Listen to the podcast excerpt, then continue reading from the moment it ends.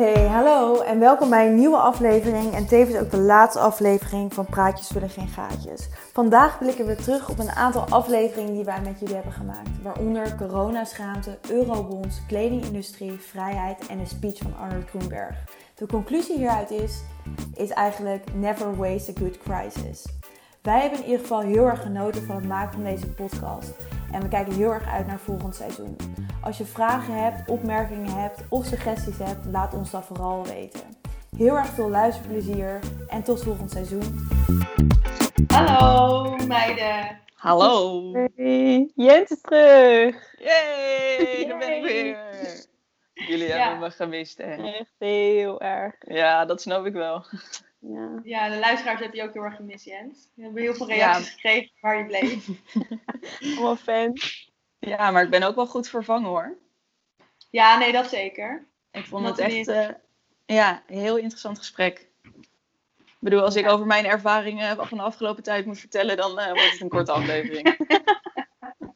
Ja, nee dat, eh, nee, dat had je niet kunnen evenaren, maar wij allemaal niet. Dus Nee, Nee, klopt. nee ja, dat zeker waar. Dit wordt dan de laatste Ja, dit is de van het laatste seizoen. aflevering Van het seizoen inderdaad. Van seizoen We 1. zijn drieënhalve maand geleden begonnen. En eh, ja, dit is de laatste aflevering. We willen een beetje terugkijken op, eh, ja, over de afgelopen tijd. Hoe we dat een beetje hebben ervaren. En we willen ook even terugkijken op de onderwerpen die we hebben aangesneden. Ja, want er is veel veranderd. Er is veel veranderd. We mogen weer bier drinken. Ja, wat, hoe gaat het dan nu met jullie coronaschaamte? Is dat er überhaupt nog? Ehm, nou, nee eigenlijk. nee, sowieso is- was hij van korte duur hoor. Ja, Denk ik. ik had het misschien een beetje in het begin, maar ik heb het nooit echt gehad.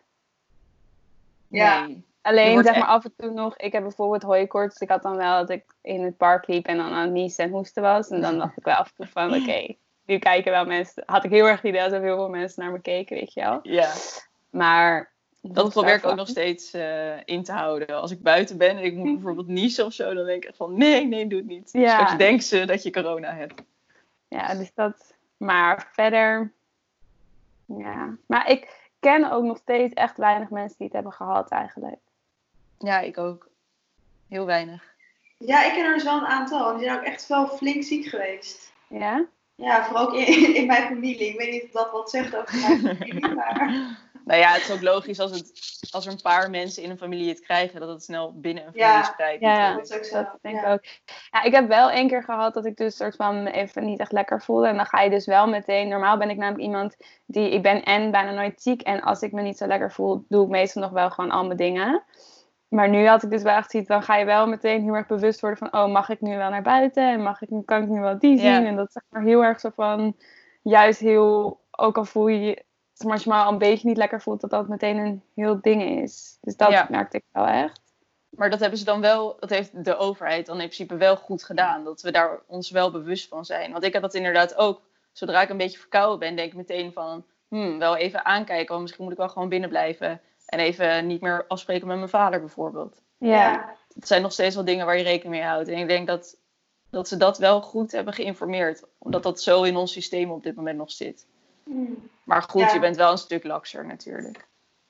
Ja, dat denk ik ook wel hoor. Ik denk in die zin heeft het natuurlijk wel een effect gehad, wel een klein beetje coronaschaamte in de zin wat jullie zeggen. Met niezen en zo. En dat je heel erg bewust bent hoe mensen om je heen op jou reageren als je niet zo lekker bent. En dat het ja, voorzorgsmaatregelen neemt. Ja. Ja. En dan Maar weet, hoe vinden jullie, want ik ben natuurlijk weggegaan uit Amsterdam toen de horeca net weer open ging. En nu hier gaat pas de horeca morgen weer open. Maar is het niet, wordt, het, wordt er echt nog aan gehouden, aan die afstand? Want ik kan me heel erg voorstellen dat op het moment dat mensen gewoon weer een soort van teruggaan in het normale leven, ze ook weer heel snel dit soort dingen vergeten. ik merk heel erg het verschil tussen binnen en buiten. Dus binnen moeten ze echt een strikte regels houden. Kunnen er veel mensen binnen, binnen aan een tafeltje. Mhm. Of in de tenten waar ik tot nu toe ben geweest in Rotterdam, Amsterdam dan. Maar buiten op het terras, zeg maar in de pijp bijvoorbeeld, is het gewoon weer precies hetzelfde. Ja, klopt. En daar staan mensen heel erg nog steeds op elkaar, maar dan ben je wel buiten. Dus dat is natuurlijk wel beter, maar ja. dat, dat is er wel anders aan. Ja, dus ik denk zeg maar dat in dat opzicht die soort van schaamte nooit echt zo diep geworteld is dat die ook nee. zou blijven. En ja. dus dat het natuurlijk een soort van hele dunne laag is uh, die ook weer heel snel weggaat. Ja, dat denk ik ook, ja. Ja. Maar dan heb je natuurlijk wel die protesten nu op het, uh, die vorige week, of nou, een aantal weken achter elkaar waren op het Malieveld. Mm Van mensen die uh, protesteerden tegen de regels. Ja. Oh, ja. ja. Dat is natuurlijk ook wel. Het was niet een hele grote groep volgens mij. Um, maar ja, dat is natuurlijk ook wel apart van, oké, als we zo'n movement gaan krijgen, hoe, hoe moeten we daar dan mee omgaan? Want ik snap de frustratie bij veel mensen.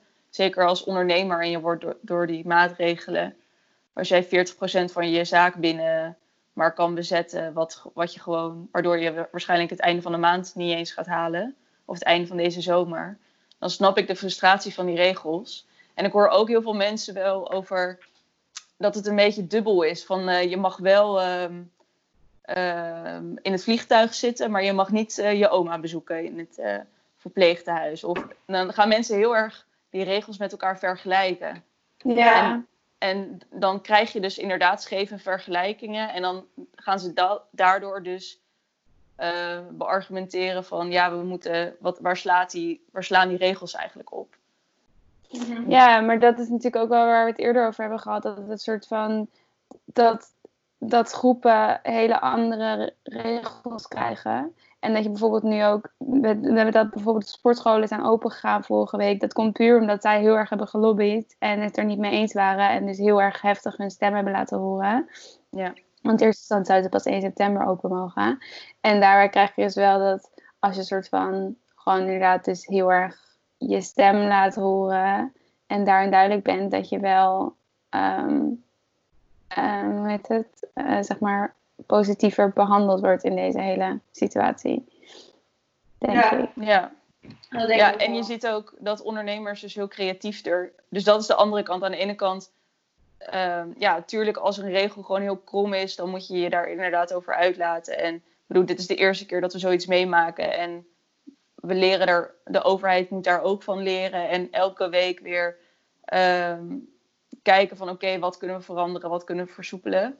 Maar aan de andere kant zie je dus ook ondernemers die echt super creatief ervan worden. En ik denk ook met name dat ze sportscholen weer open kunnen, omdat ze zelf als branche zijnde met een heel pakket maatregelen zijn gekomen van kijk eens, wij kunnen wel open als we dit en dit en dit doen. Ja. ja. Dus dat is wel goed, dat mensen echt, uh, dat veel ondernemers ook heel creatief ervan worden in dat opzicht. Ja, dat denk ik ook. En ik denk ook wel dat, dat je uiteindelijk natuurlijk gewoon weer terug moet gaan naar een maatschappij waarbij dit soort dingen kunnen. Uh, zoals ja. sporten en horeca, et cetera. En toevallig ja. sprak ik iemand die uh, lid, of in hoeverre je lid kan zijn van die partij, uh, tegen anti-corona maatregelen. En nou, hij heeft een beetje een pleidooi aan mij gehouden. En ik vond het natuurlijk ook wel even interessant om te luisteren wat hij daarin vond. En wel het interessante daaraan vond, en ik weet niet wat jullie ervan vinden, maar hij zei tegen mij van het aantal besmettingen zegt eigenlijk niet zo heel erg veel. In de zin van, het zegt niet of er mensen dood aangaan, het zegt ook niet dat mensen er beter van worden. Alleen het aantal besmettingen stijgt. En dat heeft natuurlijk ook te maken omdat er veel meer getest wordt. Um, dus, als je, dus zijn argument was eigenlijk van, als je dat de hele tijd naar buiten brengt, dat het aantal besmettingen uh, stijgt, dan zegt dat eigenlijk helemaal niks. Dan moet je meer informatie bij je zetten om het een getal te hebben waar je iets mee kan eigenlijk. Wat vinden jullie daarvan? Van, van, van dat statement in ieder geval. Um, nou, ja. Ik ben het er niet mee eens dat het niks zegt. Zeg maar, ik kan me voorstellen dat, je, dat het genuanceerder moet zijn. Zeg maar, dat het inderdaad dat alleen maar dat het aantal dat als stijgingen toeneemt, dat het niet meteen zo is dat er totaal de hel losbreekt. Ja. Maar um, op zich is het wel zo. Want, zeg maar, ik heb ook een beetje teruggelezen over hoe het allemaal is begonnen. En dat is wel gewoon, als je, als je dus in het begin toen begon je echt met zes besmettingen en binnen een paar dagen was het gewoon verdrievoudigd. En als je dat, dus als je zo'n trend ziet gebeuren, dan uh, kan er wel weer heel snel een soort van, um, ja, een soort van haard ontstaan. Wat wel ja. weer echt grote gevolgen kan hebben. Dus ik denk wel dat het belangrijk is om dat in de gaten te houden. Um, ja, denk en dat ook wel. ook juist, oké, tuurlijk, misschien wordt er meer getest. Dus in dat opzicht heb je misschien meer besmettingen. Maar er zijn er altijd meer dan je test. Of dan er de cijfers zijn. Dus dat is ook altijd goed om te houden. Dus ik bedoel, ik, ik snap wel echt het argument van. Want dat had ik begin ook wel echt van. Elke dag maar met die cijfers gooien. Is het ook een beetje vaak uit, uit perspectief plaatsen. Omdat je normaal helemaal niet elke dag ziet hoeveel besmet, hoeveel mensen er ziek zijn, hoeveel mensen er zijn overleden. Dus mensen hebben ook eigenlijk geen idee wat normaal is. Ja. Dat vind ik wel echt een nadeel aan die cijfers. Ehm, dus het is zeker goed om daar je kanttekening bij te plaatsen. Maar ik zou echt niet zeggen dat het niks zegt. Nee, daar ben ik het wel mee eens. En ook het probleem natuurlijk in het begin was toen het zo hard opliep. Toen was het probleem het aantal IC-bedden wat we in Nederland hebben. En dat we wel genoeg uh, plekken hebben voor de kwetsbare personen die die IC-bedden nodig hebben. Dus ik denk dat die, het aantal besmettingen is straks ook, is ook een richtlijn voor het aantal IC-bedden wat we nodig hebben voor uh, mensen om corona te met corona te behandelen. Wat, levens, wat uh, levens kan redden. Dus in dat opzicht zegt het, zegt het wel wat. Gewoon hogere besmettingen is de kans hoger dat er meer mensen op die IC komen. En je wilt natuurlijk niet weer in een tweede situatie zitten dat we weer uh, Ahoy moeten gaan openen met nieuwe bedjes op ja. Voor, om de capaciteit van IC-bedden uit te breiden. Dus. Ja. ja. En Jen, nu je, nu je toch al aan het woord bent. Um, hoe gaat het met de eurobonds? Want daar is een hele podcast ja, aan uh, Dat is slecht. dat, ik, ik merk dat uh, Bobke en uh, Mark, die hebben niet uh, naar onze podcast geluisterd. Nee, hè? Nee. Die indruk krijg ik ook al. Nee, daar ik ben ik wel contact. ja, ik ook. Ik zei Zo had het best gedaan. Ja. Maar uh, ik snap op zich dat hij het druk heeft. maar goed, hè, onze podcasts zijn ook maar een half uurtje. Voor het slapen gaan. Ja. Maar goed. Ja. Um, gisteren stond in de NOS uh, eh, een kop. Super strenge dokter Rutte vindt dat Italië voor zichzelf moet kunnen zorgen. Hij had een uh, interview met een Italiaanse krant, waarin hij dus een super strenge dokter is genoemd. Um, nou, eurobonds, dat is eigenlijk al niet meer ter discussie. Dat heeft hij goed aangepakt, voor zichzelf tenminste. Um, dat, gaat, dat gaat ook niet meer gebeuren, helaas. Um, en hij blijft ook nog best wel hard in zijn mening. Samen met Zweden, Denemarken en Oostenrijk vormt hij eigenlijk een soort coalitie van vier zuinige landen. Um, op dit moment ligt er een plan, een plan uh, bij de Europese Commissie voor 750 miljard uh, aan hulp waarvan 500 miljard aan subsidies en de rest leningen. En um, Italië zou hier dan 170 miljard van krijgen. Maar deze zuinige landen willen dus dat, dit, dat die 750 miljard 100% lening gaat worden. En dus dat er geen gift tussen zit. Um, maar dan een lening ook alleen van Italië? nee, dat is, nee voor, dit, is, uh, dit is voor, voor de EU als geheel. Okay. Dus dit is wel een ehm, gezamenlijke lening? Het is een gezamenlijke lening. Um, en dan is er dus, dus naast de discussie van hoeveel, is, hoeveel komt er aan subsidies, hoeveel komt er aan lening, is er dus ook een discussie van, ondanks die discussie, wie krijgt wat. Ja, en dan bijvoorbeeld België was er niet mee eens dat de manier waarop met statistieken nu gemeten wordt van cijfers voor de coronacrisis, krijgen, krijgen zij dus minder geld. Dus daar is dus ook nog een discussie over. Um, maar je ziet dus dat Nederland uh, heel hard blijft um, en geen giften willen. En dat uh, Rutte zegt vooral van hulp moet gepaard gaan met hervormingen. Uh, en hij heeft wel de Italiaanse overheid geprezen dat ze wel de juiste hervorming hebben ingevoerd, maar dat er nog veel moet gebeuren. Okay, ja. En wat interessant is wel, is dus dat Duitsland een andere positie heeft ingenomen.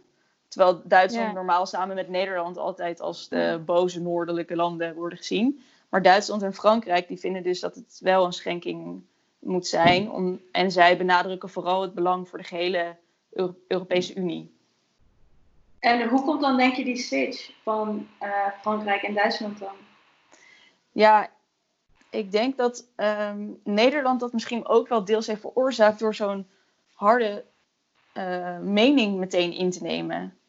Terwijl Duitsland is dus duidelijk een beetje. Die heeft daar eigenlijk gebruik van kunnen maken. Doordat zij niet meer vooraan staan in dit debat van de, de boze noordelijk, het boze noordelijke land. Ehm, en dat Nederland een beetje die positie nu e-, over heeft genomen, waardoor Duitsland dus ja, solidairder daarin is geworden. En dus meer is gaan inzien ook van deze landen die het hard zijn geraakt tijdens de crisis, die hebben al hele hoge schulden. Dus als wij hun nog meer leningen laten uitgeven, dan gaat dat alleen maar problemen opleveren voor de toekomst. Wat ook weer nadelen heeft voor onze eigen economie. Dus we moeten er nu gewoon voor zorgen dat deze landen er zo snel mogelijk bovenop komen, die het hard zijn geraakt door de coronacrisis. Zodat wij, zodat onze eigen economie er ook weer zo hard mogelijk boven, zo snel mogelijk bovenop komt. Ja. ja, maar dat is ook wel echt wat wij toen in ons gesprek hoopten dat dat zou gebeuren. En ik denk dat dat vind ik wel gewoon echt jammer dat dan Nederland nog zo erg van voet bij stuk houdt. Want het, wat ook, waar we het ook al vaak over hebben gehad, is hoe zeg maar deze crisis een soort van begin zou kunnen zijn van grote veranderingen. Vind ik dat in heel veel opzichten en dus hier ook mee.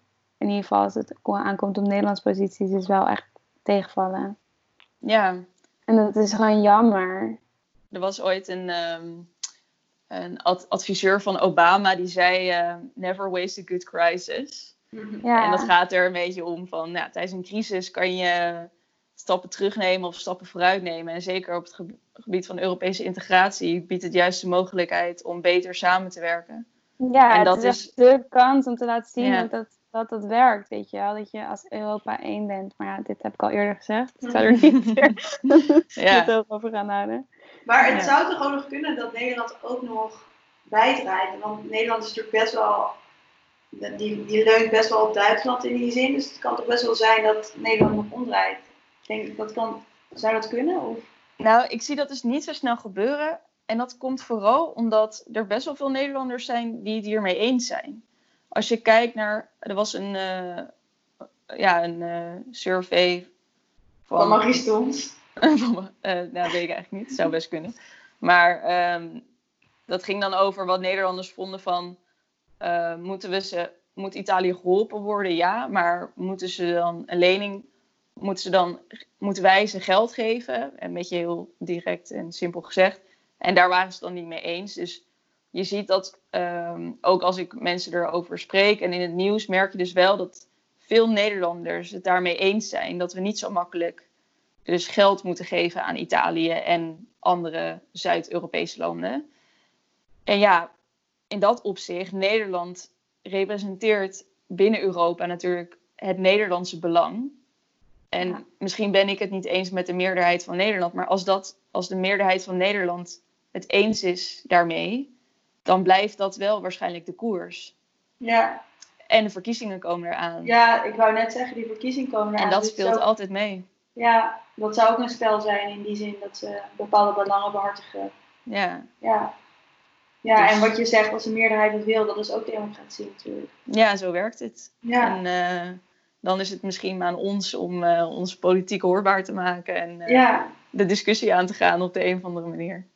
Zeker. En dat doen we ook een beetje in deze podcast natuurlijk. Precies. Denk ik. Steentje bijdragen. En Jo, dan heb ik nog even een vraagje over de kledingindustrie. Want daar heb jij natuurlijk een hele grote podcast, of grote lange podcast over, over... Belangrijke podcast. Belangrijke podcast over gehad. En uh, ik zag zelf wel een beetje veranderingen uh, bij grote merken. Dat zij minder vaak collecties naar buiten brengen. Klopt dat? Of hoe zie jij dat? Um, nou, er is zeker wel, er zijn denk ik wel zeker positieve dingen gebeurd in de kledingindustrie door de coronacrisis. En daarbij is inderdaad één uh, groot merk, Gucci, die heeft gezegd dat ze voortaan. Want nu werkt het zo dat de soort van echte luxe merken doen vaak echt iets van vier modeshows per jaar. Wat echt best wel veel is en soms nog wel meer. En, um, en dat heeft dan ook allemaal seizoensgebonden. En dat is vaak zeg maar in uh, in herfst heb je al dus, zeg maar de modeshow voor de zomercollectie. Dus je loopt ook wel een soort van eigenlijk een heel seizoen voor. En um, daarvan hebben zij dus nu gezegd van dat gaan we anders doen. Dus we gaan nu maar twee modeshows per jaar doen. En die worden ook nog eens niet seizoensgebonden. Dus we gaan gewoon proberen om collecties te maken die niet per se winter of zomer zijn. Maar meer ja, dus dat je, dat je ook uit het, van het idee van dat je niet uh, elk seizoen weer nieuwe kleren hoeft te dragen. Dus dat is heel cool. En daar hebben ook wel meerdere grote merken zich bij aangesloten. En ik denk wel echt dat dat uh, een verandering zou kunnen, teweeg zou kunnen brengen. Ook omdat het uiteindelijk zo werkt dat de fast fashion merken de, uh, dit soort uh, dure merken vaak kopieën. Dus zeg maar die modeshows gebruiken zij ter inspiratie. En wat, een, wat daar ook goed aan is, is dat um, er natuurlijk ook gewoon heel veel wordt gereisd binnen de kledingindustrie voor al die modeshows. Um, wat ook absoluut niet duurzaam is. Dus uh, dat zou dan ook minder gebeuren. En er is nu bijvoorbeeld, um, omdat de mode fashion weeks nu gewoon niet uh, in real life kunnen plaatsvinden, zijn er nu de eerste die online gaan. En dat zie ik ook nog wel potentie in dat dat gewoon nog wat langer doorgaat. Dus dat er dat niet dat reizen hoeft. Dus dat is denk ik wel echt cool. Maar tegelijkertijd um, is er ook wel heel veel wat nog gewoon echt heel slecht gaat. En waar ik het toen vooral in die, in die aflevering over had, is dus die arbeiders. En er zijn gewoon heel veel die nog op straat staan zonder werk. En er zijn hele fabrieken die gesloten zijn omdat ze gewoon niet, het niet konden betalen en failliet zijn gegaan. De, de, de, arbeiders zijn de straat op gegaan. En er is wel veel campagne gevoerd vanuit organisaties om een soort van de druk op te voeren tegen grote merken. Om te zeggen van je moet ze wel gewoon betalen. Dat heeft wel effect gehad. Dus er zijn wel uh, merken die dat nu wel hebben gedaan. Maar er zijn ook nog steeds merken die het niet doen. En ik moet eerlijk zeggen dat in, in Nederland zijn natuurlijk altijd de winkels redelijk open gebleven. Maar hier in de UK waren de winkels echt dicht. En twee weken geleden zijn ze dus open gegaan. En er stonden echt rijen voor de Primark. En, oh ja? En zo. Ja. Verschrikkelijk. En nog steeds hier bij zo'n sportswinkel staat gewoon elke, elke dag een rij. Dus als ik dat soort dingen zie, word ik niet heel gelukkig. En er is ook nu overal sale, omdat ze natuurlijk van hun collecties af moeten komen. Ja. En Boris Johnson bijvoorbeeld heeft ook opgeroepen aan iedereen om zoveel mogelijk te gaan kopen om zeg maar de economie te stimuleren. Dus als ik dat soort dingen hoor, dan denk ik wel echt van, er is nog echt een hele lange weg te gaan. Ja, maar ja, wat zeg je dan tegen de mensen die dan zouden zeggen, ja, maar als we met zo'n oproep, dat is juist nodig, want als mensen dat nu niet doen, als, die, als ze die inhaalslag zeg maar niet maken, dan val, valt er, vallen er zoveel ondernemers om. Dus consumenten moeten op die manier even nu hun steentje bijdragen door juist dit te kopen. En dat er nu even geen ruimte is voor duurzame aankopen. Ja, aan de ene kant snap ik dat wel. Maar als je zo gaat redeneren, gaat er natuurlijk niet echt iets veranderen. Want nee, klopt. het is niet zo dat als je dit, dit nu even heel veel gaat kopen en dan daarna ga je duurzaam worden. Zo werkt het niet. Nee. En ik denk dat het juist voor die kledingbedrijven een moment zou moeten zijn waarop ze gaan, zich gaan afvragen: oké, hoe gaan we dit voortaan anders doen zodat we dit kunnen voorkomen? En daar, het zou wel kunnen dat dat alsnog gaan doen hoor, want het gaat nu wel gewoon ook echt slecht met veel kledingbedrijven. Dus ze moeten ook wel gaan nadenken. Um, misschien als consument kan je dan inderdaad, dus zou die, je zou inderdaad als Boris Johnson kunnen zeggen van oké, okay, jullie moeten inderdaad het is nu de rol aan de consument om bedrijven er weer op te helpen. Maar kies bewust en kies voor bedrijven die zich hebben veranderd en duurzamer zijn geworden, bijvoorbeeld. Ja. En dan heb je natuurlijk als consument ook veel invloed. Ja, want ik denk ook, sorry, maar met zo'n rij bij de Primark, je komt toch gewoon online shoppen de hele tijd? Dus waarom de fuck moet je per se in de rij staan voor die winkel? Ik snap het gewoon niet. Ja, maar je kan trouwens niet online eh, shoppen bij de Primark hoor. Nee? Oh, Nee. dat wist ik niet. Oh. Dus dat is wel even... Ja, oké, dat ja. verklaart dan de rij, maar dan alsnog. Ja. Alsnog is Ja. het wel apart. Je zit in een pandemic en het eerste wat je doet als je weer wat kan doen is shoppen. Ja, dat zegt Ja. natuurlijk ook wel veel over ons als mensen, zijn, vind ik. Ja. Absoluut. Maar op wel een soort van nog positieve noot is dat de Europese Commissie heeft bijvoorbeeld wel gezegd dat ze nu echt iets willen gaan doen aan die soort van eh, corporate accountability laws. Dus dat ze daar wel iets van wettelijk verplicht willen stellen. Nou is dat waarschijnlijk nog een lange weg te gaan, want voordat het er uiteindelijk komt. Maar ze hebben in ieder geval wel gezegd dat ze dat willen doen. Ja. En ik denk wel dat, want wat nu ook het heel erg een probleem was, is dus dat eh, kledingbedrijven hun orders pas achteraf betalen en dan dus niet meer willen, willen betalen. En dat was ook al een probleem voor corona, dat zij gewoon vaak, pas een maand of twee maanden later betaalden voor wat ze hebben, hadden besteld. Waardoor altijd die fabriek eigenlijk een soort van liquiditeitsprobleem zaten. Dus zeg maar, dat zijn wel dingen die nu heel erg tot licht zijn gekomen en misschien dan dus nu wel zouden veranderen. Dat denk ik wel. Dus het heeft zeker wel wat gedaan, maar er is wel echt nog een hele lange weg te gaan. Ja. Never waste a good crisis. ja. Ik denk dat die beter benut had kunnen worden, maar goed. Ja. Ja. Dat is denk ik voor veel dingen zo. Nou, dan heb ik nog een, uh, iets kleins te zeggen over vrijheid. Hoe het daarmee staat. Ja. En uh, ik was eigenlijk wel uh, positief verrast dat de app die in Nederland tevoorschijn zou komen om de vrijheid van mensen, of in ieder geval mensen te laten weten als ze besmet zijn met corona of mensen in, om, in de omgeving besmet zijn met corona. Uh, nou, dat is de draagvlak echt veel minder geworden. En het College voor Autoriteitsgegevens, die zegt ook van, nou, dat ze daar ook helemaal niet achter staan, achter zo'n app, en dat ze daar heel voorzichtig mee moeten zijn. Dus dat is voor mij als Nederlander echt heel erg positief. Dat neemt natuurlijk niet weg dat het in andere landen volop in gebruik is. Dus waarschijnlijk komt het ook gewoon in Nederland, alleen dan in een andere vorm. Maar het is wel goed, denk ik, dat die discussie heel erg blijft in Nederland. En dat we het niet zomaar wegdoen. Of het accepteren of gelijk negeren in die zin. Maar ik vond het grappig, want het is zeg maar, hij, die Hugo de Jonge noemde dat toen een keer in een persconferentie. en toen uh, was het opeens overal, had iedereen het erover, twee weken lang. En daarna is het gewoon weggegaan naar mijn idee. Ja. Ja. Ik hoor niemand er meer over. Ja, ik, ik volg het dus wel iets beter. Of in ieder geval, omdat het ook mijn interesse heeft natuurlijk. Dus ik hoor er nog best wel wat over. Maar je hebt wel inderdaad gelijk. Het was op een gegeven moment echt een soort van hype. Of iedereen zat er bovenop van, oh ik wil helemaal niet mijn gegevens. Dat de overheid dat heeft. En nu ja, valt het inderdaad wel mee. Hoor je Maar ze, mensen niet, zeiden ze niet dat de app er wel nu aankomt, einde van de maand? Ehm, ja, maar de overheid die kan sowieso geen mensen verplichten om die app te gaan. Of dat Nee. mensen die app moeten gaan gebruiken. En eigenlijk was de insteek van de overheid daarin van mensen gaan het op eigen initiatief Ja. downloaden. Dus als het draagvlak onder de burgers dan heel laag is, Ja, dan werkt die een- hele app eigenlijk niet. Ja. Ehm, Maar ik denk dus dat het goede daarvan is dus dat we ons misschien wel iets bewuster zeggen worden van wat voor invloed zo'n app op ons leven kan hebben. En de andere eh, dingen zoals Google Maps en iPhone, die onze gegevens, eh, of Apple die onze gegevens opslaat, dat we daar misschien iets beter over zijn gaan nadenken. Wat voor Ja. effect dat heeft.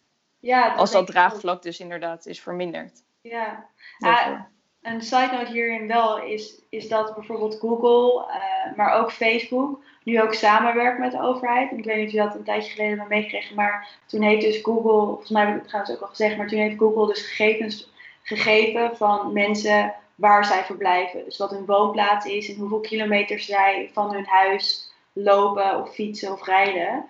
eh, in corona en daarna, om een soort van vergelijkingsmateriaal te hebben. Mhm. Dus je ziet nu ook wel dat privé, dus privéorganisaties als inderdaad Facebook en Google, wel steeds vaker gaan samenwerken met overheden. Dus in Ja. die zin eh, is het helemaal niet weg, maar is het misschien wat meer met elkaar verbonden of zo. Of misschien zie je het daarmee misschien niet zo heel erg goed. Maar Maar de vraag is dan of dat, is dat een positieve ontwikkeling? ja, en ik zou zeggen van niet. Omdat dat eigenlijk een structureel probleem gaat worden wat je niet ziet. Ja. Dat is eigenlijk gevaarlijker. Maar je wilt ook niet dat het in de handen ligt van corporates. Nou, dat Dus ligt je- er al. Ja, ja, ja. Dus dan zou je denken van oké, misschien meer regulering, meer beleid vanuit de overheid. Maar ja, dit is niet per se beleid. Dit is gewoon samenwerken om ons te controleren. Ja, eigenlijk wel, ja. En je ziet ook dat ah, eh, als de overheid dus met beleid wil komen eh, omtrent data, dat heel veel mensen dan in de remblokken eh, ja, duwt. En zegt, oké, ho, ho, maar dat willen we niet. Terwijl corporates inderdaad al een tijdje doen. Ja, Dus ja, moeilijk, eh, moeilijk debat, maar ja, het blijft sowieso onder ons, dit probleem. En dat gaat ook niet weg. Nee. Nee, ik doe met de meeste problemen. dat is met de meeste problemen, ja. Ja. En ik wilde trouwens nog even een laatste link maken uh, van, met onze podcast van uh, Arnold uh, Groenberg. Over zijn speech. Ja. Over dat hij zei, als het over Marokkanen gaat, gaat het over mij. En ik vond dat eigenlijk echt een super mooie metafoor. Die ik zelf persoonlijk um, kon weer plaatsen in Black Lives Matters. Ik weet niet wat jullie daarvan vinden. Um, want dat gaat eigenlijk ook over, over zwarte mensen en over witte mensen. En ja. als het dus eigenlijk over iedereen gaat, gaat het ook over mij. Zo zie ik het tegenwoordig. Ja, ja. ik denk dat we dat als witte mensen moeten best wel uitkijken met dat soort uitspraken. Omdat wij gewoon geen idee hebben wat racisme in dat opzicht is. Dus als je gaat Kijk, hij doet het dan vanuit het perspectief dat hij, dat hij Joods is. En vergelijkt dat dan met uh, de ervaring die Marokkanen op dit moment hebben qua discriminatie en racisme. Maar ik denk dat um, in de Black Lives Matter discussie is het moeilijk om te kunnen zeggen dat wij snappen hoe zij zich, hoe uh, zwarte mensen zich voelen. Ik denk dat je het meer moet zien als van dat het zeg maar niet alleen een probleem is waar zwarte mee uh, dealen hebben, maar dat het ook heel erg ons probleem is. Omdat als wij in een samenleving leven waarin racisme is en waarin wij, waar wij, waarin wij ook bijdragen aan racisme, dan heb je op de lange termijn een samenleving waar je niet in, waar je niet in wil leven. Zeg ja, maar. dat zeker waar. Slechte consequenties heeft. En dus dat het daarom ook heel erg inderdaad moeten zien als een probleem van ook van witte mensen. En dan dus niet zozeer van, oh, wij hebben er ook last van, maar heel erg van, wij zijn onderdeel van het probleem. En wij hebben, spelen er ook een rol in. ik denk dat dat meer de boodschap is van hoe je die speech dan nu op de Black Lives Matter uh, beweging kan toepassen. Ja. Dus ik heb er ook nog zeker aan, vaak aan teruggedacht. Zij ze met een zucht. nou, maar ik vind het wel, um, ik vind het moeilijk. Ik heb dus best wel veel mensen op Instagram die uh, heel actief in de discussie zijn. Ja. Uh, witte, en zwarte mensen, ja. witte en zwarte mensen. En dat is heel goed, want daardoor uh, kom ik er veel meer over te weten dan dat ik zelf ga opzoeken. Want het komt voorbij. Dus in dat opzicht denk ik, is het heel goed. Maar dan denk ik voor mezelf van oké, moet ik dat dan ook gaan doen? Of zeg maar, ja, hoe, in, in wat voor opzicht moet ik dan kan ik bijdragen aan een discussie, behalve het feit dat ik me probeer te informeren over uh, racisme, hoe antiracisme werkt, wat institutioneel racisme is, um, mezelf erop aanspreken als ik, als ik dat merk. Ik denk dat dat zeg maar, je inlezen al echt een grote stap is. En ja, of je het op Instagram plaatst of niet, dat is denk ik niet heel boeiend. Want de een vindt dat wel. Ik, ja, ik ben gewoon niet een persoon die mij via Instagram uit. Dus zeg maar, ik ga dat ook niet doen. Um, maar ik denk wel dat je je, wat heel belangrijk is, is ook om het niet alleen jezelf in te lezen, maar ook zeg maar, het gesprek met anderen aan te gaan. En daarin heel erg soort van de confrontatie aan te gaan. Want ik denk dat wij, zeg maar, het is natuurlijk heel, het is een heel pijnlijk onderwerp. En uh, heel snel wil je, zeg maar, soort van denken van, ben je soort van bang om iets fout te zeggen en dan doe je het maar niet. Terwijl eigenlijk als je het, het gewoon doet, dan kom je ook achter wat, wat voor consequenties het heeft en kan je daar gesprekken over aangaan. En dat is heel moeilijk, dat is heel confronterend, maar ik denk wel dat dat echt belangrijk is. En of je dat nou doet via Instagram of doe je, dat je dat doet in een bar met een random persoon, of, dat maakt denk ik dan niet heel veel uit. Maar dat je jezelf in ieder geval ook een beetje op een soort van, ja, een kwetsbare uh, stoel, zeg maar, stoel zet en dat je die, die confrontatie aangaat. Ik denk dat dat echt is wat ik het meest heb geleerd van deze beweging, is dat je, dat, dat cruciaal is. Ja.